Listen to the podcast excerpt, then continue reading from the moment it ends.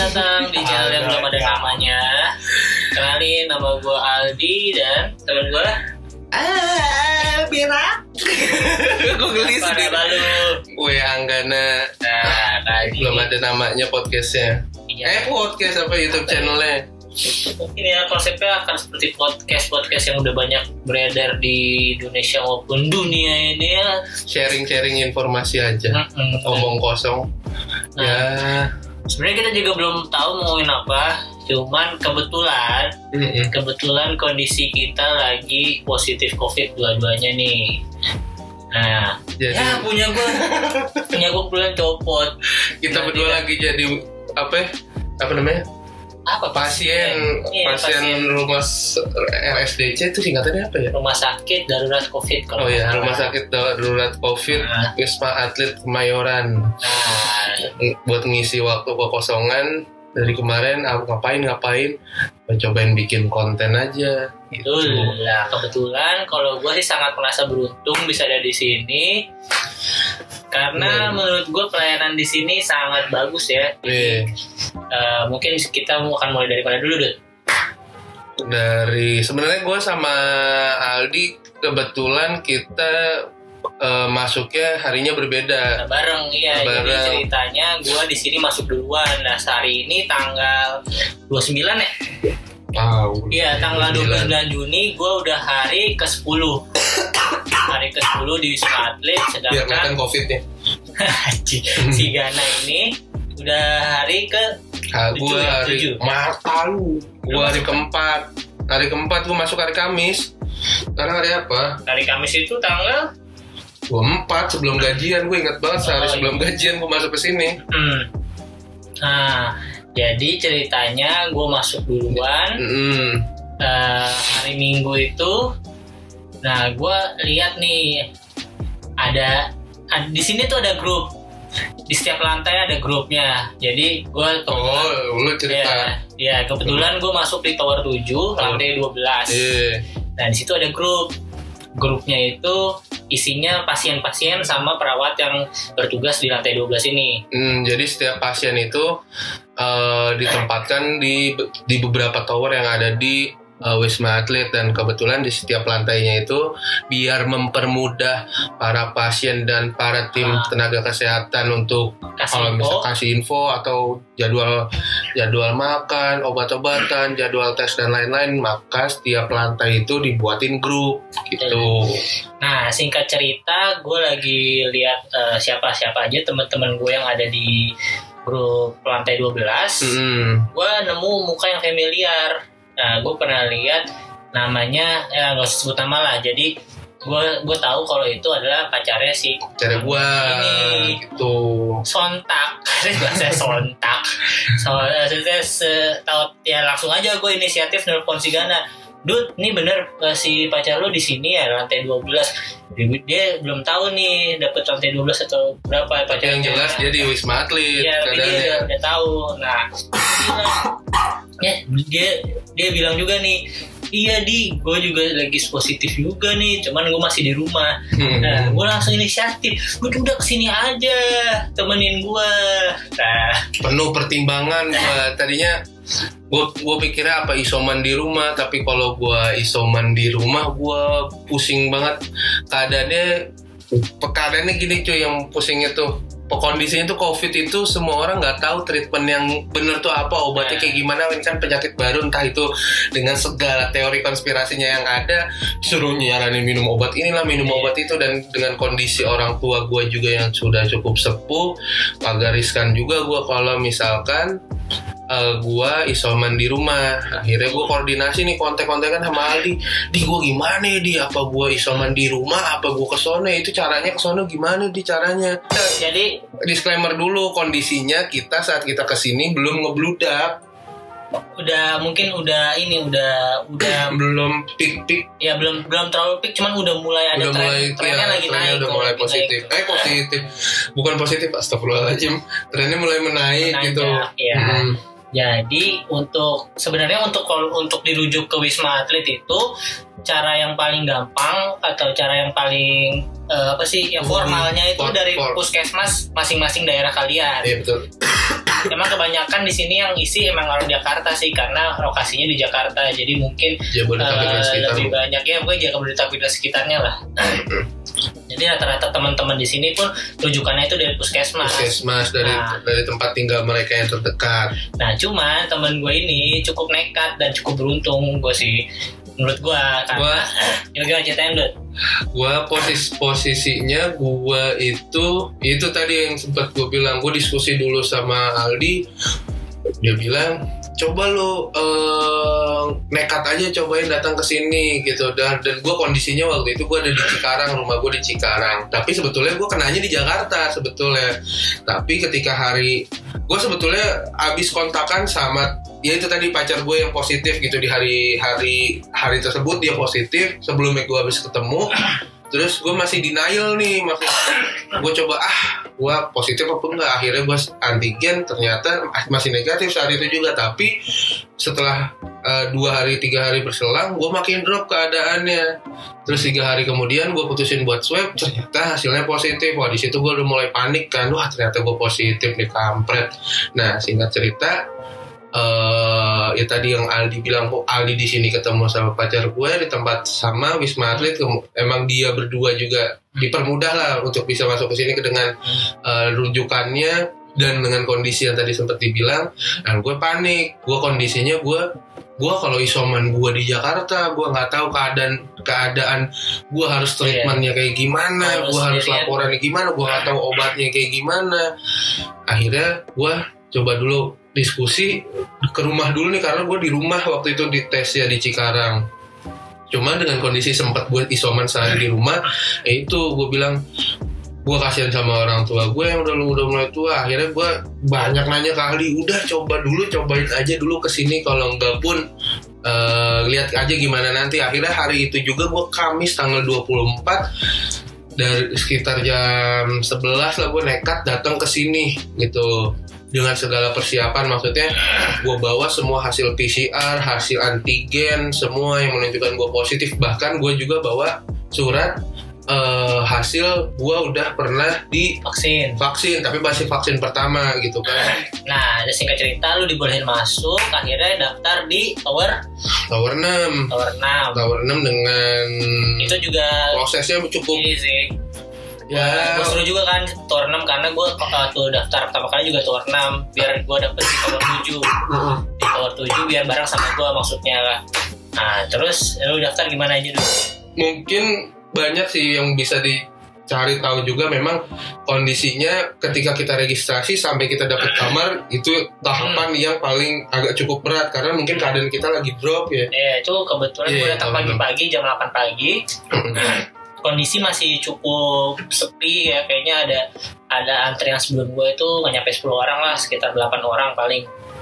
Nah jadi tahapannya itu gue daftar di meja pendaftaran dan registrasi. Gue bilang gue dari mana gue rujukan yang lihat Nah, pokoknya yang paling penting itu yang paling di- penting di bawah itu mungkin Hasil. identitas sama hasil Tes. PCR yang PCR, ya benar. eh, ada bukti kalau lu lagi positif. Dan eh, dari rumah sakit yang atau dari klinik yang emang udah inilah jelas lah gitu. nah si- eh, dari situ dari meja itu gue ditanya-tanyain dari asal dari mana terus nunjukin surat itu gue pindah ke meja registrasi selanjutnya di situ gue cuma ngasihin kertas itu kertas eh, print out ya jangan lupa kalau Oh, iya. sini harus di print out itu semua bentuknya agak eh, tricky sih emang ya, itu harus berbentuk kertas jadi harus dikasih nah eh, karena zaman sekarang udah modern gue ngisi formulir eh, nge-scan barcode nanti akan Iya, di, dikasih, di ya. direct ke situs up eh, situs salah satu linknya ya mungkin situs eh, RSD situs Smartlet gitu kita ngisi data pribadi diri. kita segala macam Eh, ada kalau dari rujukan juga tulisan eh, rujukan tuh tinggal pilih puskesmas mana atau Hmm. rumah sakit mana benar kayak data standar lah nama Hmm. nomor KTP alamat sama tes eh, PCR tanggal Kapan? tanggal berapa hasilnya keluar tanggal berapa nah udah habis eh, habis isi data itu kita nunggu lagi nunggu nama nama dipanggil Mhm. proses pertama itu screening screening itu lu ditanya iya iya benar-benar bener. screening dulu ya screening itu lu ditanya-tanyain gejala lu apa aja yang Apa lagi aja, bener. di- masih dirasain dirasain sekarang sampai sekarang pada saat pada saat lu daftar. itu, ya. Kalau gua sih eh, waktu itu gua batuk-batuk sama mual dan Hmm. udah mulai anosmia tuh kalau nggak salah anosmia itu adalah gejala di mana kita nggak bisa merasakan eh, penciuman wangi sama pe- pengecap rasa rasa-rasa makanan. Kalau Nah, gue pas itu ini dong nih apa ya? Eh, pokoknya sakit Tenggorokan nggak banget. sakit nggak Panas ya. ya. Udah beda-beda sama. sih. Anusmi apa namanya? anosmia juga. Namanya nggak enak banget anusmi anus. Ya, itu kalau kalau nggak salah ya, coba kalian bisa cari sendiri istilah Iya. anosmia itu apa Pokoknya- aja ininya penjelasannya. Pokoknya hilang kalau kalau kalau gue diingat gue di, Nah, di iya. gue diingetin sama Aldi. eh lu udah mulai hilang rasa belum? Hilang Iya. bau-bauan belum? Kalau lu ragu-ragu eh, lu tuh covid atau enggak, sebelum tes nih saran gue sih saran gue nih Iya ini ini paling- ada ini bukan teori dari kedokteran Iya, apa bukan iya. dari tapi ini balik lagi indikator gue aja nih indikator standarisasi gue kalau lu tahu kan rasanya indomie goreng seenak apa Nah, wanginya tuh kalau dari dapur lu, di- lu di ruang tamu juga udah pasti kecium tuh kalau Iya, yang bikin tuh. Nah lu cobain tuh kalau misalnya lu ragu-ragu sakit covid atau enggak kan memang gejala awalnya salah satunya itu anosmia. Kalau lu nggak nggak bisa ngerasain nikmatnya Indomie goreng dari penciuman atau dari rasa. Nah itu mungkin lu udah harus agak worry ya ambil agak tindakan worry lah Eh, atau PCR jangan panik ya penting Iya. PC, eh, tes PCR aja mastiin kalau lu beneran memang positif enggak. atau enggak Hmm. Nah, terus Nah, gue ikutin tuh cara dari si Aldi, gue cobain kan. Maksud gue apa iya? Gue, eh, rasa Indomie goreng kagak kerasa sama gue. Gue, gue, gue masak, gue gue bikin, gue bikin Indomie goreng. Pas gue bikin, astaga, beneran gak kerasa sama sekali. Wanginya aja nggak kecium. Wanginya rasanya bawang-bawangnya kayak gitu. Aduh beneran covid ya. Ini udah sih. Ya udah. Berarti udah fix gue nih. Gue, gue, sebelumnya salahnya gue salahnya gue mungkin banyak sih orang kayak masih denial. Gue nggak covid. Terserah urusan urusan percaya atau enggak itu balik lagi sih. Tapi gue di sini mikirnya gue concernnya kepada Ada orang orang, lain tua sih, orang orang lain. tua. Lebih orang tua udah mulai sepuh kan. Gue takut ngeluarin kerja akhirnya gue ngambil tindakan gitu. Nah itu tadi balik lagi ke cerita kita, di proses berapa tadi? Screening ya? Screening itu dari screening sama gue jadi screening juga sama kayak Aldi ditanya-tanya gejalanya apa sama ini obat yang lagi dikasih obat dikonsumsi gak ya eh, obat yang lagi dikonsumsi apa aja tuh? Itu laporin. lu kasih tahu laporin karena itu akan ngebantu ngefek juga. Ya ngebantu perawat perawat dan dokter untuk ngasih obat obat apa, kita ke selama di sini gimana. Betul. gitu karena kan eh, mereka harus menyesuaikan takutnya Mm-mm. kitanya takutnya ada yang alergi ada yang alergi makanan enggak ada punya riwayat penyakit apa dan dan gue dan Nah, gue masih proses screening ceritain deh kalau di proses screening itu ada cek tensi, tensi dulu. darah. lah cuma nah, cuma pas gue tensi nggak tahu ya gue emang dasar double apa gimana gue nggak pernah ngecek eh, ngecek tensi darah gue eh, tensi darah gue berapa apakah gue punya darah tinggi riwayat darah tinggi. Nah gue ketika posisi datang ke sini itu tensi darah gue sekitar 202 per 100 berapa gitu. Dan semua seruangan oh dokter-dokter tuh langsung notice semua. Hah? Kamu yang bener eh, tensi kamu ini 200 gini. Gue dengan keadaan sepolos-polosnya gue yang gue nggak gue nggak pernah kontrol kesehatan gue. Ya buat yang nggak tahu normalnya tensi berapa kalau gua tanya-tanya dokter di sini sih normalnya 120 per 90 kalau nggak salah. Nah. maksimal 130 lah. Nah Coba. ini gue 200 waktu itu 202 untung bagus nggak setruk gue katanya wah kamu untung masih gini gini gini gini. Lo gue ya iya dok ya dok. Ya udah kamu istirahat dulu. Nanti kita proses eh, apa screeningnya. Sempat tertunda dulu karena tensi gue yang tinggi.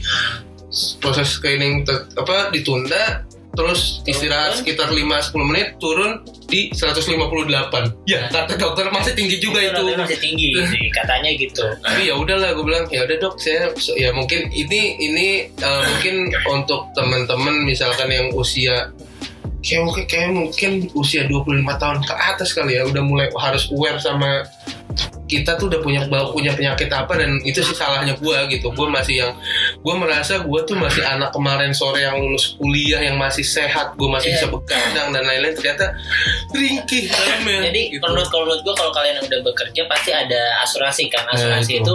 mendingan kalian kalau udah punya Pakai, itu pakai untuk medical check up medical check up per bener. tahun itu tuh bisa eh, seenggaknya untuk mendeteksi kalian tuh sebenarnya lagi sakit apa aja karena Mm-mm. Ya menurut gue ya benar umur 25 tahun ke atas itu pasti ada beberapa penyakit yang Iya. kita rasain cuman sebenarnya ada di udah udah mulai kita. udah mulai terbentuk gitu setengahnya kita bisa melakukan pencegahan dini lah hmm, betul pola hidup sehat sih yang paling penting Hmm. Nah terus dari proses screening tuh apa di Nah, proses screening tuh sebenarnya gue nggak tahu yang sebenarnya itu kayak gimana. Cuman karena gue datangnya pagi, gue waktu itu langsung dicek setelah screening itu ya, gue langsung dicek Hmm. eh, darah, ambil darah, di- disuntik sama ronsen. Nah, cuman kalau lu kan nggak nggak langsung tuh, lu eh, habis screening langsung nunggu kamar kan? iya Nah, wah kalau gue habis screening semua data dikumpulkan iya gue suruh nunggu dulu nunggu kamar kan. Nah, Hmm. kalau gue mungkin karena masih pagi, jadi belum terlalu banyak banget pasien yang ngantri. Hmm. gue masih sempet cek darah dan eh, ronsen tapi lu juga nyusul kan Nah, kalau gua proses rongsen dan lain-lainnya ketika gua udah dapet kamar. kamar nah, Eh, mungkin karena lu datangnya jam 2 Iya, gua datang jam, jam 2 2 siang. dapat Iya. kamar jam 6 lah ya Maghrib lah lah ya. Eh, Kalau kata orang itu terhitung cukup cepet 3 Cukup jam lah. Hmm, jadi rata-rata mungkin 3 sampai 5 jam karena kasus kasus gue 6 5 jam. jam.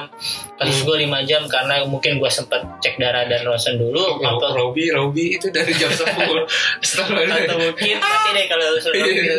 dia, banyak cerita unik di sini banyak banget ya. Jadi gue uh, dapat kamar 5 jam. Gue dari jam Iya. 8 sampai jam 1 itu baru dapat kamar. Nah itu mungkin gue masih bersyukur lah karena beberapa teman-teman juga ada yang sampai berapa si Robi tuh si Robi datang setengah sep- setengah 10 pagi cuy. setengah sepuluh pagi datang dia jam datang setengah sepuluh pagi ini kenalan gue di salah satu pas bareng gue datang Hmm. ada pasien namanya Robi. Dia datang setengah sepuluh pagi gue datang jam 2 siang. Hmm. yang ya dia sama gue naiknya bareng beres maghrib gitu aja dia di setengah sepuluh pagi cuy.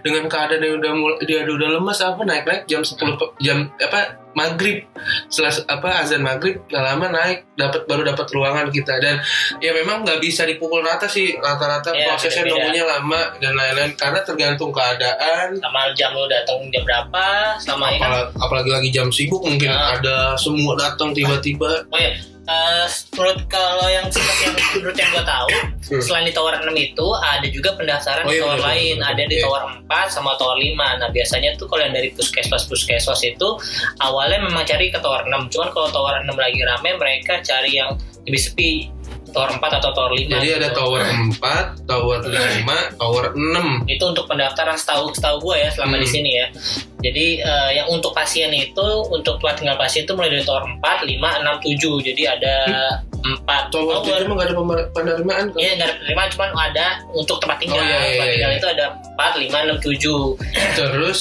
beres kalau kalau si Aldi dari proses eh, dari proses beres screening itu dia langsung ada penindakan ngambil darah cek darah ya Cek darah, cek darah ronsen. rongsen Nah, eh, se- nah semua treatmentnya itu beda-beda. Aldi cek darah sama rongsen ketika masuk ke sini. Gue itu cek darah, rongsen sama EKG gitu. Nah mungkin Oh. itu mungkin di EKG-nya itu tapi setelah ini juga kan, kamar juga bahkan kan. iya iya treatmentnya yang ya treatmentnya setelah dapat kamar ya setelah masuk sini Hmm. setiap pasien itu didata dengan uh, gejalanya masing-masing dan treatmentnya juga dilakukan berbeda-beda gitu lah nggak disamain jadi kayak gue dapat EKG Aldi enggak gue nggak tahu mungkin dengan dengan hasil dari hasil screeningan tadi ada yang Ya. memutuskan mungkin oh Kayaknya sih orang- ngefeknya di situ ya. Maksudnya perbedaan treatmentnya dari screening awal. Jadi kan lu tanya juga kan buka pada penyakit apa. oh iya riwayat Ada nggak buka apa? bokap eh, bokap gula nyokap darah tinggi Nah itu gitu. mungkin situ ya kalau Hmm. bokap gue kebetulan stroke cuman gue nggak tahu juga kenapa gue nggak dapet EKG EKG itu kalau yang belum, ta- belum tahu tuh kayak untuk rekam jantungnya Iya pokoknya gue udah kasih kabel-kabel gini kok kaget bener kayak medical check up main bola jadi kayak, trans kayak bursa transfer Bursa aja. transfer main bola itu kan biasanya medical, medical check up dulu nah itu kayak gitu sambil jogging nggak? Enggak Enggak, Dia iya. sambil jogging sambil senyum-senyum Kan kasih foto-foto oh, gua, iya. pakai baju barunya ini baju kontrak. baru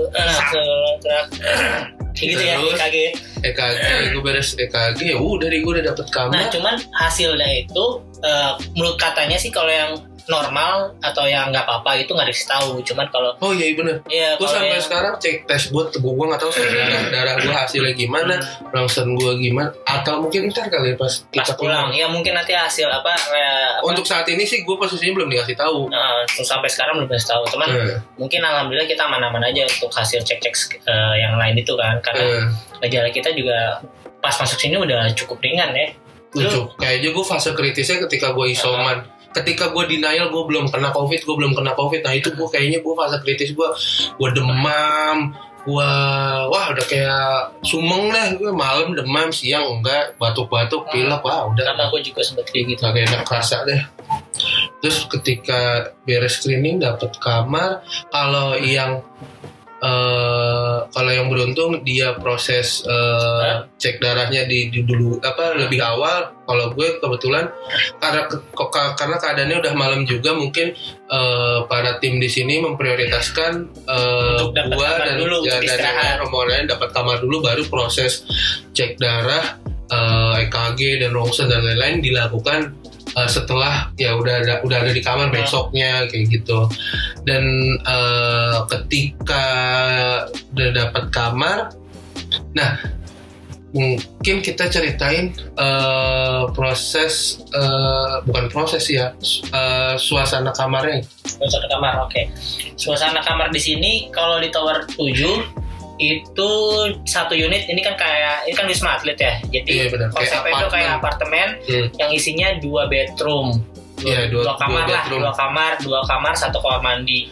Nah di kamar eh, dua kamar itu ada satu kamar yang isinya dua ranjang. Dua Iya, tempat twin tidur bed gitu twin lah. bed eh, misah. Ada satu kamar yang lebih kecil yang isinya satu ranjang. Ini- nah ini- ini, tempat- kebetulan kita lagi shoot, eh, tag-nya di sini. Nanti mungkin kita kasih insert insert dikit ya, Cek. Hmm, lokasinya eh lokasinya eh, shoot, eh, Suasana kamarnya suasana lah ya. kamarnya.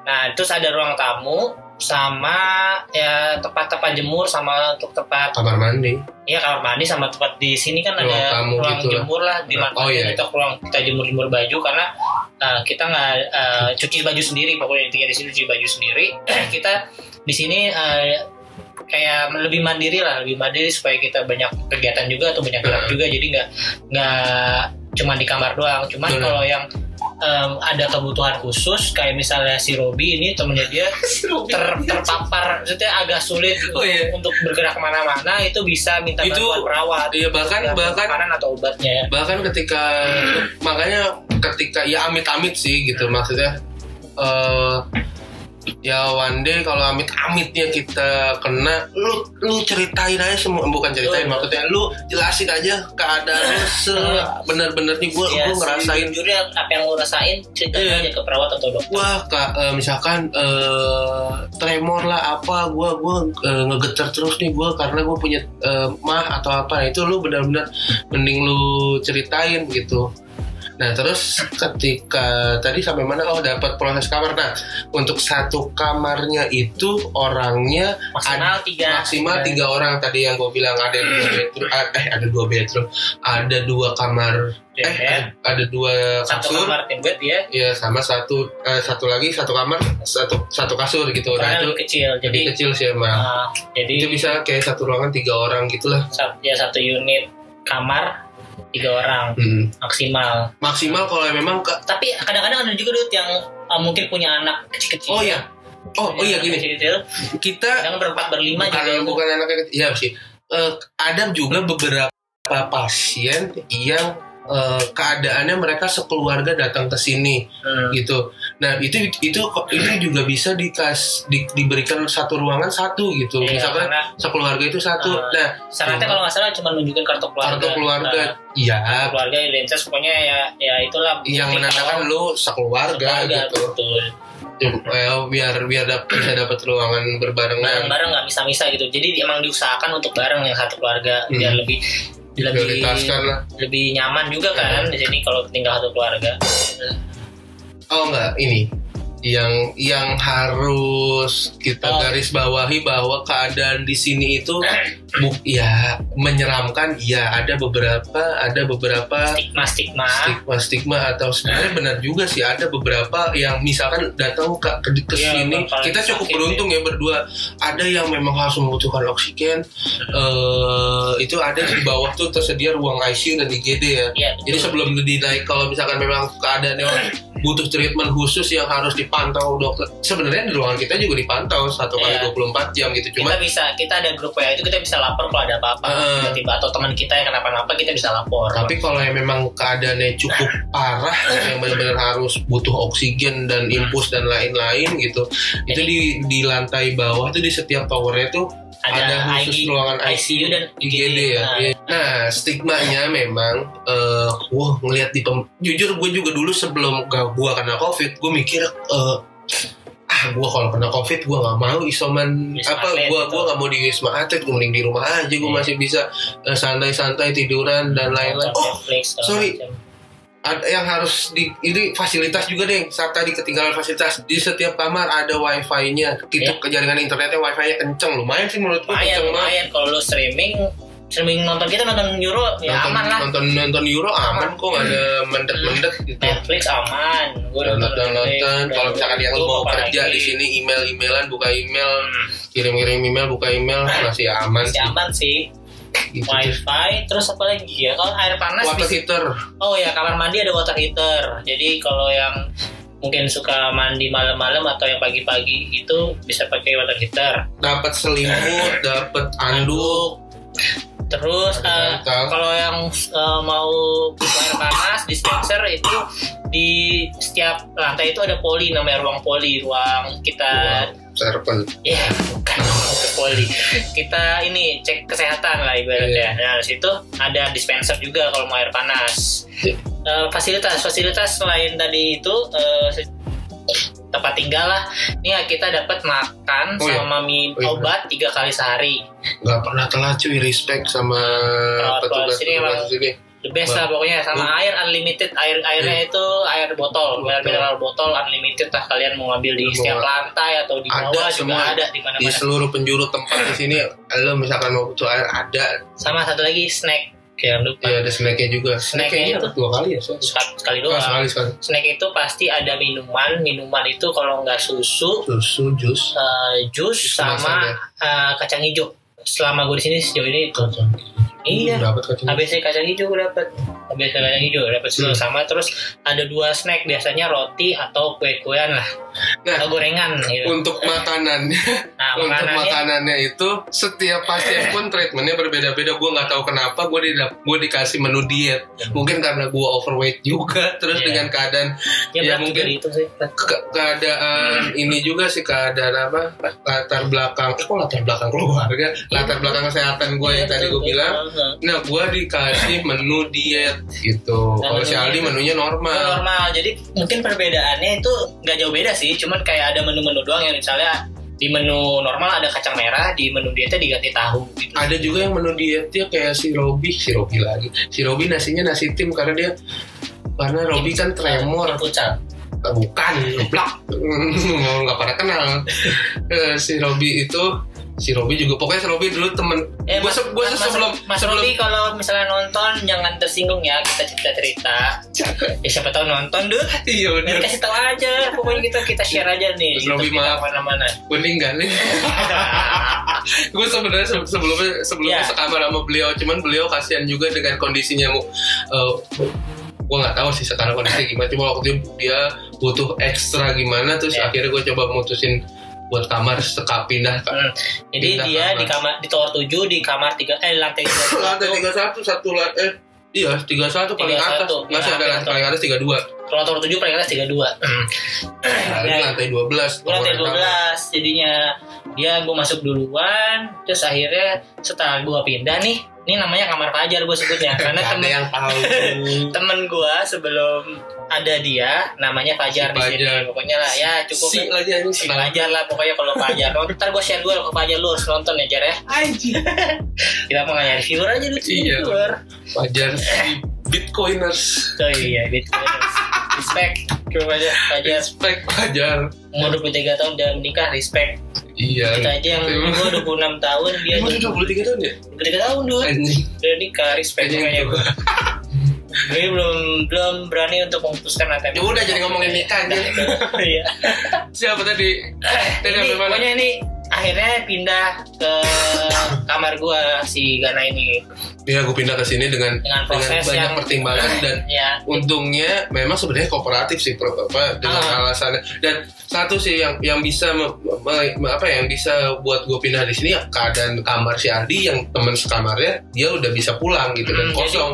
Dan se- gue bisa memungkinkan gue untuk pindah ke Hmm, sini. jadi lu di kamar 31 itu lu bertiga full ya Iya. awalnya awal lu masuk tuh full, full. Oh, jadi gue didepatin kamar yang berdua sama Mas Robi Mas itu Robi. Nah, kalau gua di sini di dari awal gua cuman berdua satu unit. Jadi si Fajar di kamar yang si Fajar. kecil ini, gua di kamar yang twin bed, cuman gue isinya sendiri. Nah, si Fajar itu akhirnya ha- gua hari keberapa dia pulang, gua ngajak dia pindah ke sini dan gua bilang ke pas lagi ada Fajar pun gue sering main Iya, jadi gue sering main. Jadi boleh kok kita sa- walaupun nggak satu kamar kita boleh interaksi sama soal main yang dengan prokes prokesnya aja, prokes prokesnya aja. Ini gue nggak pakai masker ya karena gue udah percaya kalau dia juga itulah pokoknya lah kita Insya Allah aman di sini. Amin. Amin amin. Nah, terus setelah Fajar pulang, gue laporan ke poli gue, gue bilang Kira-kira kalau ada saya bisa pindah nggak sini. Gue tanya ke perawat kalau teman saya bisa nggak pindah ke kamar saya. Kebetulan eh, teman sekamar saya sebelumnya udah pulang hari ini. Nah gua, kalau dari lantai 12 dia bilang perawatnya bilang eh, bisa-bisa aja kita terima bener. aja kok karena eh, beberapa juga ada yang kayak gitu Iya. nah mungkin karena satu tower juga lebih mudah prosesnya nah terus gue bilang ke si Gana Gana lapor ke poli tower 31 nya dan terus Dan- sebenarnya dulu pokoknya singkat cerita nanti deh ada ada satu segmen kita bahas mengenai mengenai kenapa gue pindah dan eh, kenapa ya bukan nggak ngomongin orang sih maksudnya un- uniknya kejadian gue sama kita. kan cuma memang eh ya ya udah singkat cerita di, di- eh, diperbolehkan dan Bolehkan dan ya menurut gue sih cukup fle- fleksibel dan Iya. inilah kooperatif lah ya teman-teman perawat di sini. ya kan yang penting sama- mereka eh, yang penting kitanya juga maksudnya Nyaman, like, kayaknya mereka lebih mementingkan kenyamanan, kita Kenyamanan masing benar, masing benar, betul. itu itu yang Gue harus salut banget sama perawat-perawat dan dokter baik kok sini. sumpah sejauh ini Hmm, Wah gue walaupun nggak ada kesan kesan negatif kayaknya nggak ada gue di sini deh. walaupun walaupun mungkin ada kayak aduh ini lucu banget sih kalau kita nge-share activity-activity apa di grup-grup WhatsApp Nah, ya. ya pasti pasti ada ada aja kan kalau ya namanya bapak-bapak bapak-bapak bapak-bapak. atau beberapa yang kelakuan bapak-bapak gitu kelakuan bapak-bapak di grup WhatsApp tuh jokesnya yang wah acik Eh, menghibur sih menghibur banget. Iya. Kalau gue jujur gak ada kesan negatif ada nggak? Gak ada juga. nggak ada sih so far kalau even ada kesan nggak kesan negatif mungkin misalkan ada misal kayak eh karena biasanya gini ada beberapa pasien yang eh, misalkan mengeluhkan biasanya ada yang Ya, di ya. kondisi di kamar kayak gini aja ada yang di infus ada yang apa Hmm, yang Ah. membutuhkan kebutuhan khusus lah sus nggak eh, bisa misalkan infus saya sakit nih atau sus eh, oksigen saya habis kadang Ah, sus. kadang emang ada yang Mungkin agak nggak dalam- sabar ada Hmm. nggak nggak sabar dalam ini ya dalam tanda kutip, Tanda kutip. manja gitu ya agak mungkin manja ya agak beberapa manja. pasien Nah, cuma gue gue Cuman- juga nggak tahu sih gak ada nggak tahu di posisi Nah, ya, mereka ya mungkin mereka emang butuh dan emang nggak Hmm. bisa itu dan emang nggak bisa minta tolong ke Hmm, dan beberapa kadang- orang gitu. Jadi, dan jadi susternya kadang suka slow slow respon nggak nggak nggak suka sih maksudnya mungkin keadaannya suster juga karena kabarnya kalau nggak salah handle ah, berapa beberapa pasien lantai gitu, nggak cuma satu lantai doang. Kabar kabarnya gitu. nggak Gue dengar dengar. susternya ditempatkan di eh, susternya ditempatkan khusus megang misalkan di dalam piket hari ini ada dua suster atau tiga suster yang handle Oh satu iya. lantai Satu lantai itu cuy. satu lantai itu banyak cuy Beberapa kamar ya. ada Apa 50 pers eh 50 peserta 40 lagi kamar apa 30 sekian kamar deh pokoknya deh. Cuman kebetulan kalau lantai 12 ini karena di lantai 12 ini ada balkon dan ada mungkin disebutnya jogging track gitu. Hmm. Ah, jadi kamarnya itu cuma sampai 19 dan 19 itu udah termasuk ruangan poli sama ruangan kalau perawat. yang lain full gitu Jadi jadi kayaknya 17 kamar doang deh. Jadi 17 kali 3 itu cuman berapa ya? Kayak 70 deh pokoknya 50 sama. ya mereka juga juga masih tetap manusia lah gue juga Iya. menghargai itu kadang ada yang capek gitu bahkan nah itu Iya. dari so far saya sejauh ini gue sangat sangat sangat respect dan lah salut lah sama Iya. eh, apa yang udah dilakukan sama dokter dan perawat di Mm-mm. sini.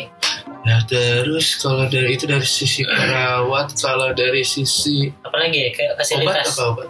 Iya pokoknya makan Ya, obat tadi tiga kali sehari ya? Tiga kali sehari. Sama terus obat juga. sama kita sehari. ada se ya lu eh, beberapa long tower atau lantai itu ada kegiatan eh, pasti ada kegiatan cek kesehatan perharinya itu pasti sehari ada minimal sekali lah tensi ya. Eh, kadang-kadang bisa sampai pagi siang malam juga ada jadi eh, pas jam makan Oh, iya. siang makan pagi makan malam itu ada cek kesehatan nah kesehatannya itu apa aja Enggak.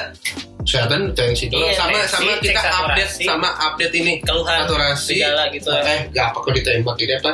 Eh, cek suhu, suhu, suhu, cek sama suhu. Lu update keadaan lu saat ini misalkan dok tadi malam saya meriang nih dok saya butuh Batuk, gini gini gini eh, itu nanti oh, oke berarti saya ditambahkan obat apa gitu Betul, jadi Nah, itu- dicatat semua rekam medis kita per Hmm. harinya itu dipantau.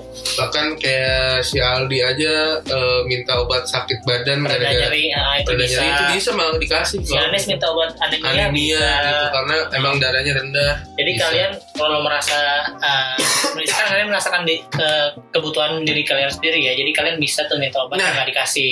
itu menurut gua hal yang terpenting kenapa gua di sini ngerasa nyaman ya karena kita dipantau satu kali 24 jam dan ya gitu gua kalau gua nggak tahu keadaannya kalau gue isoman di rumah ya kalau gue isoman di rumah ya obatnya gimana Iya, gitu kan apakah, ada- apakah benar obat yang gue Iya minum pasti gitu. ada uh, jeda uh, beli obatnya kan. Kalau Hmm. ini alhamdulillah beberapa obat udah tersedia gitu. Jadi kita Iya. tinggal, tinggal minta mungkin uh, dokter perawat tinggal cari obatnya kita langsung dikasih. ya walaupun misalkan lu terserah sih maksudnya eh, emang corona obatnya udah ada tapi gua sih maksudnya ya gue melakukan yang terbaik untuk kesehatan gua gitu yang penting eh, balik lagi udah udah gitu kalau misalkan lu keadaan di rumah kadang banyak banget masukan masukan wah Iya, lu itu malah bikin bingung kadang-kadang ya. Kan banyak itu. saudara yang ngasih tahu minum ini, minum itu, makan ini, makan itu. Ya itu mungkin benar, cuman kadang-kadang kebanyakan jadi kita minum semuanya jadi pusing gitu. Jadi, jadi pusing malah bener bener malah ini gimana ya? Jadi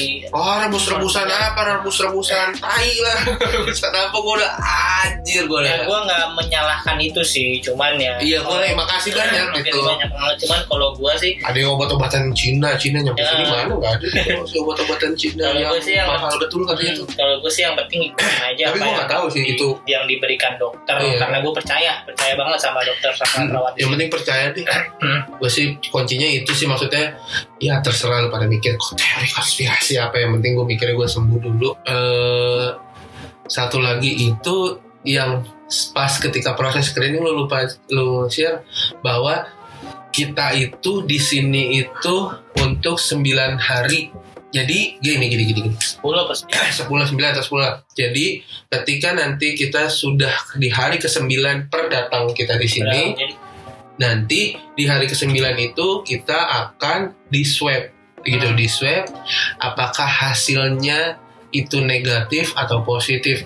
Kalau nah di pengumumannya itu di hari ke-10 gitu. Di hari ke-10 pagi katanya biasanya ya.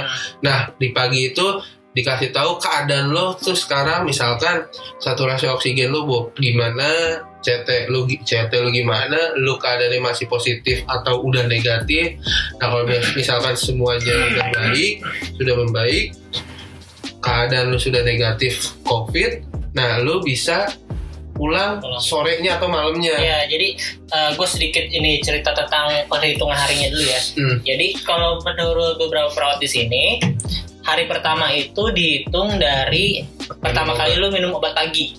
Ya, Nah, jadi minum contohnya obat. gue datang hari Minggu, cuman gue minum obat paginya itu Senin hari pagi. Senin. Jadi hari Senin itu berarti hari pertama hari pertama gue. Hmm. Jadi total gue di sini sebenarnya udah 10 hari, cuman dihitung baru 9 hari. Kalau per hari ini ya.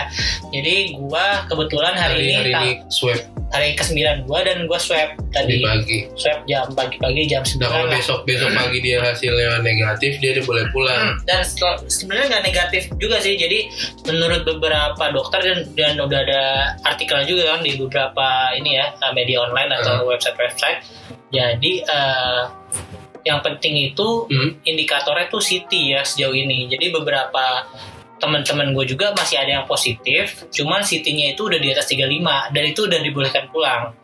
Kalau dari rujukan sini ya. Jadi Ajar kan iya kemarin Fajar gitu. Fajar tuh masih positif.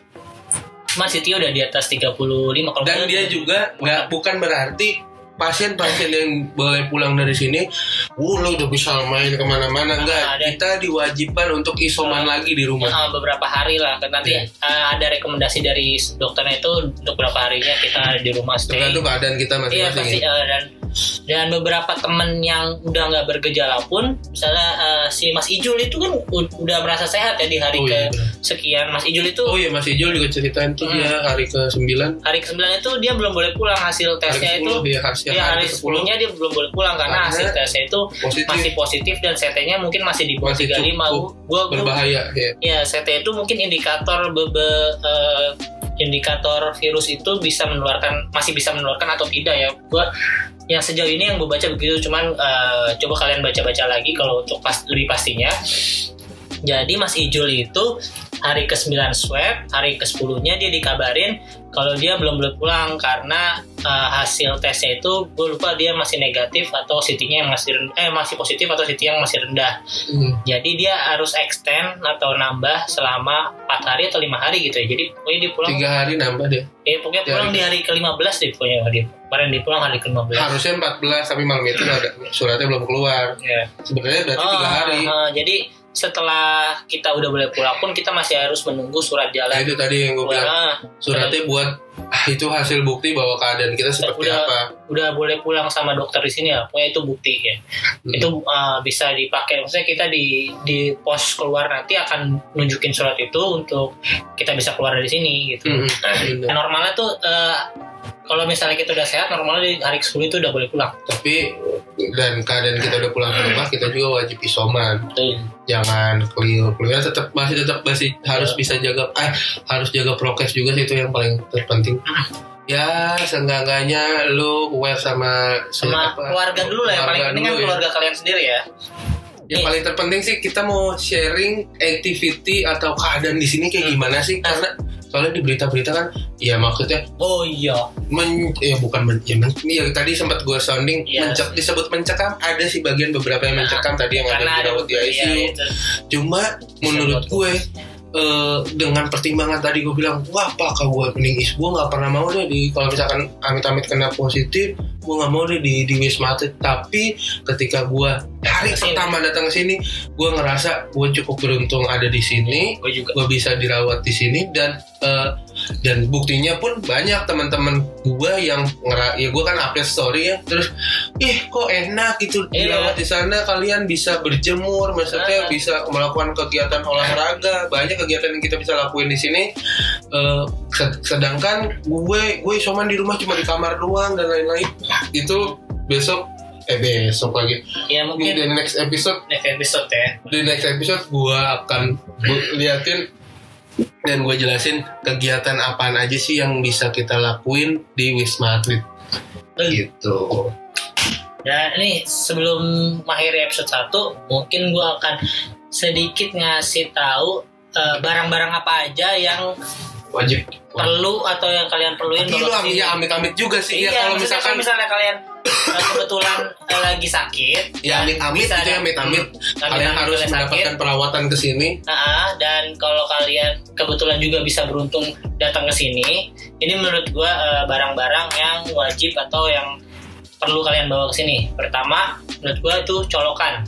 Terminal colokan. Terminal colokan tahu kabel kan. Terminal. Nah, karena nih colokan kamar Pasar ini minggu lu bawa kita terminal. Ya nih, colokan kamar ini tuh adanya di situ. Eh, Nah kan kan kalian pasti butuh colokan tuh untuk HP kan. banget itu. Kalian colokan HP tuh rata-rata panjangnya tuh 2 meter doang. Jadi kalau kalian colok di situ pasti akan ngegantung.